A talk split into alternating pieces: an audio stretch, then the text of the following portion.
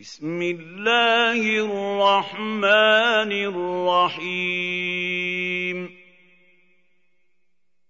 أرأيت الذي يكذب بالدين؟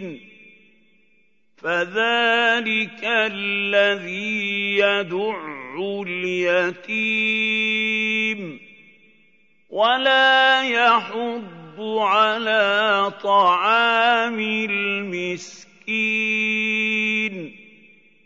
فويل للمصلين الذين هم عن صلاتهم ساهون الذين هم يراءون ويمنعون